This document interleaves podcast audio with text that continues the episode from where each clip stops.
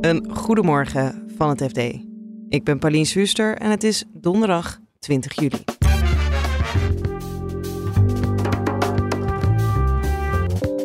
Pensioenbeleggers zijn niet blij met het Europese plan dat regelt hoe bedrijven rapporteren over duurzaamheid.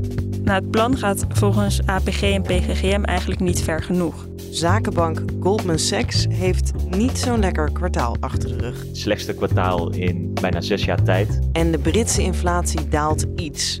Maar of de weg naar beneden echt is ingezet? Dat is natuurlijk nog maar even de vraag, want dit is één goede, één goede lezing van, van het inflatiecijfer. We hebben al eens eerder gehad dat die aan het dalen was en daarna weer steeg. Dit is de dagkoers van het FD. We beginnen met het Europese plan over hoe bedrijven moeten vertellen hoe duurzaam ze zijn. Het voorstel wat er nu ligt, dat gaat niet ver genoeg, vinden pensioenbeleggers APG en PGM. Pensioenredacteur Puxi legt uit waarom. Pensioenbeleggers moeten zelf verduurzamen en dat willen ze ook. En daarvoor kijken ze eigenlijk naar hun beleggingen. En beleggingen zijn in bedrijven. Dus als zij bijvoorbeeld weten hoe ze het doen op het gebied van de loonkloof of CO2-uitstoot of biodiversiteit, dan willen ze die informatie ook graag van bedrijven hebben. En in het nieuwste plan mogen bedrijven straks uh, zelf bepalen welke duurzame graadmeters voor hun nou wel of niet relevant zijn. En dan vrezen pensioenbeleggers van ja, dan krijgen we dus incomplete gegevens. Dus dan bijvoorbeeld Ahold zegt wel iets over de loonkloof, maar Unilever in dezelfde branche niet. Nou, dan kunnen we dat niet vergelijken. Terwijl we dat juist wel willen om onze beleggingen te verduurzamen. En als ik het goed begrijp, moeten pensioenbeleggers zelf ook die informatie geven, maar die zitten wel dan aan die strenge regels. Die mogen zelf niet bepalen wat ze dan rapporteren. Ja, dus het idee was dat zowel voor het bedrijfsleven komt er wetgeving en zoals voor beleggers komt er wetgeving. Dat is, eigenlijk moet dat leiden tot een soort gemeenschappelijke taal. Nou, die wetgeving voor beleggers die is er al, dat heet SFDR. Het is een heel afkortingencircus. En de wetgeving voor bedrijven is nu in de maak. En hoe groot is dit probleem nu? Want APG en PGM maken zich er druk om. Hoe erg is dat? Nou, APG en PGM zijn de twee uh, grootste pensioenbeleggers van Nederland. Dus dat gaat dan om een vermogen van 760 miljard euro. 9 miljoen mensen krijgen op een of andere manier een, hebben een pensioentje bij, uh, bij die twee. Maar ook in Europa leeft het breder. Ook de Europese Vermogensbeheerdersvereniging bijvoorbeeld, die zegt van nou, we hadden dat plan zoals het er nu ligt, dat mag van ons wel wat ambitieuzer. En hoe is het dan zo gekomen dat het niet zo ambitieus is? Wat brengt het bedrijfsleven er tegen in waarom ze dat niet kunnen doen? Nou, vanuit het bedrijfsleven hoor je. Ja, het is heel moeilijk om bijvoorbeeld allemaal duurzaamheidsinformatie te geven over de hele toeleveringsketen van een bedrijf. Die hebben niet altijd zicht op wat daar precies gebeurt. Um, en er is ook wel gelobbyd in Brussel. Bijvoorbeeld Amerikaanse, grote Amerikaanse bedrijven met een Nederlandse divisie zijn niet altijd even blij met de Europese regels. Want ja, met een Europese divisie moet je daar ook gewoon aan houden. Dit plan is natuurlijk uh, nog geen wet. De Europese Commissie gaat er nog naar kijken. Maar stel dat het uh, zo doorgaat en ze krijgen die informatie niet. Hoe moeten dan PGGM en APG verder als ze wel willen vergroenen? Ja, PGM zei bijvoorbeeld dat het al bij de eerste rapportage die zij moeten doen, want nou, die wetgeving is voor beleggers al van kracht, ja, we moeten dan data aanleveren over de loonkloof, maar we hebben helemaal niks over de loonkloof. Dus dan moeten we dan schatten. Maar het is ook heel lastig om te schatten als je helemaal geen data hebt. Maar goed, het plan is nog niet definitief. Um, allerlei partijen mochten reageren. Daar wordt nu naar gekeken in Europa. En dan zal blijken hoe het verder gaat.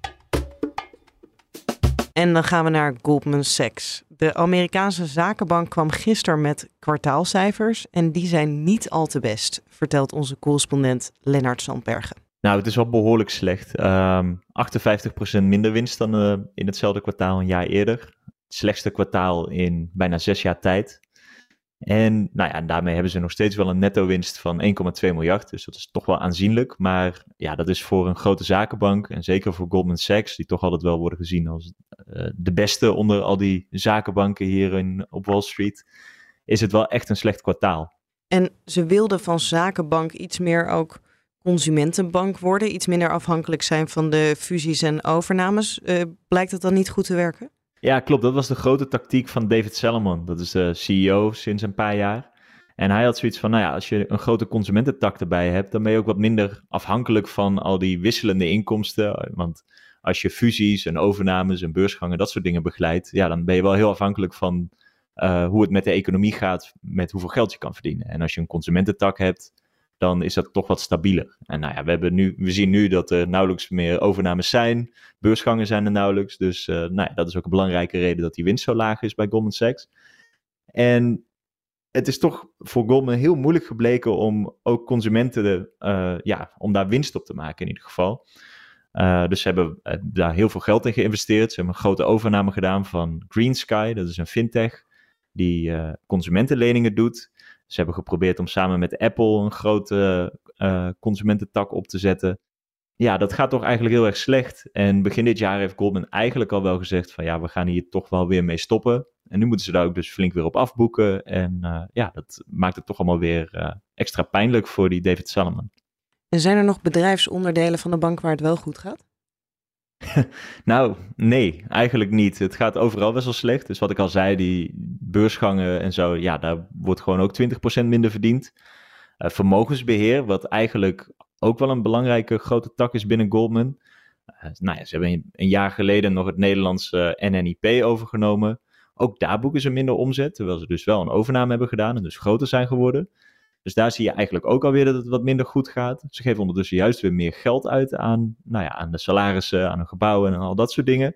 Dus uh, ja, er zijn eigenlijk heel weinig lichtpuntjes te zien in dit uh, kwartaal. Speelt er bij Goldman ook nog mee dat nou ja, er grote angst is voor een mogelijke recessie? Ja, toch eigenlijk wel. En dat zie je bij alle grote banken wel. Dus dat is niet heel uniek voor Goldman. Maar wat je ziet is dat al die grote banken nu bezig zijn met meer geld opzij zetten voor als er uh, leningen niet worden terugbetaald. Dus dat noemen ze de stroppenpot van een bank. En uh, nou, bij Goldman gaat daar uh, ruim 600 miljoen dollar extra in. En dat heeft er toch ook vooral mee te maken dat nou ja, de kantorenmarkt heel slecht gaat. Dus je ziet nog steeds dat er heel veel wordt thuisgewerkt. kantoren zitten niet vol. En um, doordat de rente nu zo is opgelopen, wordt het ook steeds duurder voor die eigenaren van die kantoren om die hypotheken terug te betalen. Dus op een gegeven moment dan flopt dat allemaal. En ja, dan blijft de bank met, met die gebouwen achter. En uh, nou ja, die zijn ook gewoon een stuk minder waard geworden. Dus daarom dat daar ook wel veel geld voor opzij wordt gezet. En tot slot Groot-Brittannië. De inflatie is daar erg hoog en hardnekkig. Maar het afgelopen kwartaal is hij iets gedaald.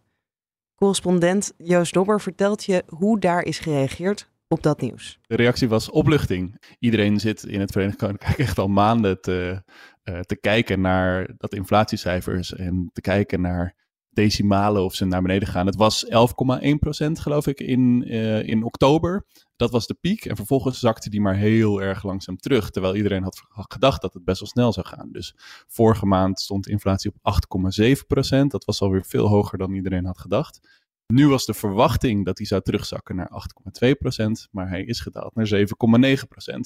Klinkt niet als een enorm uh, verschil, maar dat telt toch wel echt uh, in, de, in de inflatiecijfers. Dus, dus mensen, men is blij, want dit betekent natuurlijk dat uh, de Bank of England, de centrale bank, enige ruimte krijgt om misschien wat minder agressief hun rente, rentetarieven op te trekken. Ja, want tot nu toe was wel de verwachting dat ze er hard in zouden gaan.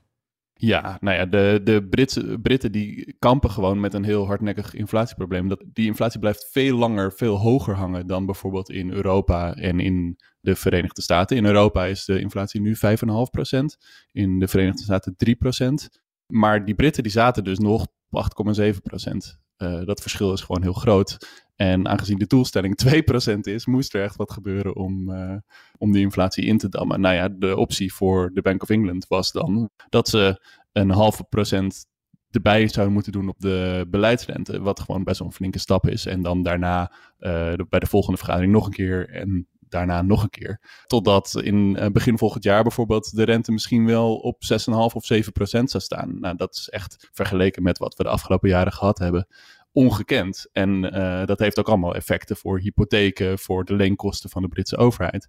Uh, dus dat was wel echt een puntje van zorg aan het worden. En bijvoorbeeld op de Britse hypotheekmarkt.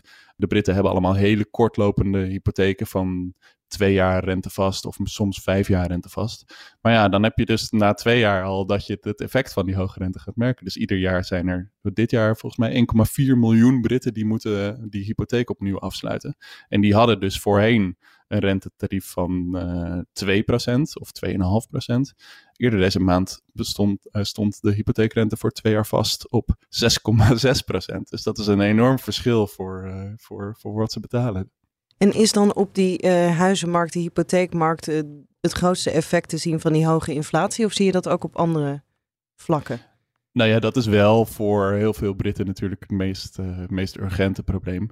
Maar het werkt natuurlijk ook door in uh, wat bedrijven, als die leningen willen afsluiten, wat, wat, wat ze aan de bank moeten betalen. En nou ja, wat ik al zei, de kosten van de Britse overheid om geld te lenen. En de Britse overheid, de, Britten hebben een kwart van hun uitstaande staatsschuld is genoteerd in obligaties die aan de inflatie zijn gekoppeld. Dus als de inflatie hoog is, betalen ze veel rente. En als de inflatie laag is, betalen ze weinig rente. Maar ja, de inflatie is hartstikke hoog en nogal hardnekkig. Dus het kost nu heel erg veel geld.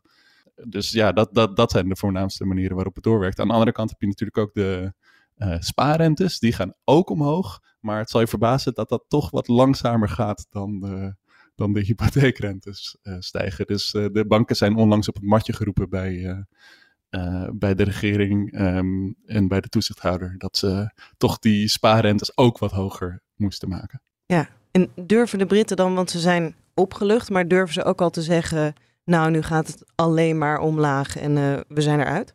Nou ja, dat is natuurlijk nog maar even de vraag. Want dit is één goede, één goede lezing van, van het inflatiecijfer. We hebben al eens eerder gehad dat hij aan het dalen was en daarna weer steeg.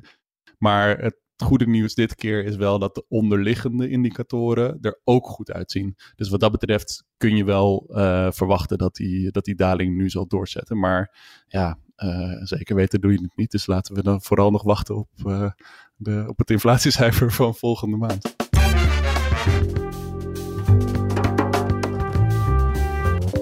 Dit was de dagkoers van het FD. Morgenochtend zijn we er weer. En als je die aflevering automatisch wil binnenkrijgen, abonneer je dan op Dagkoers in je favoriete podcast-app. En wil je het laatste financieel-economisch nieuws volgen, dan ga je natuurlijk naar fd.nl. Voor nu een hele fijne dag en graag tot morgen.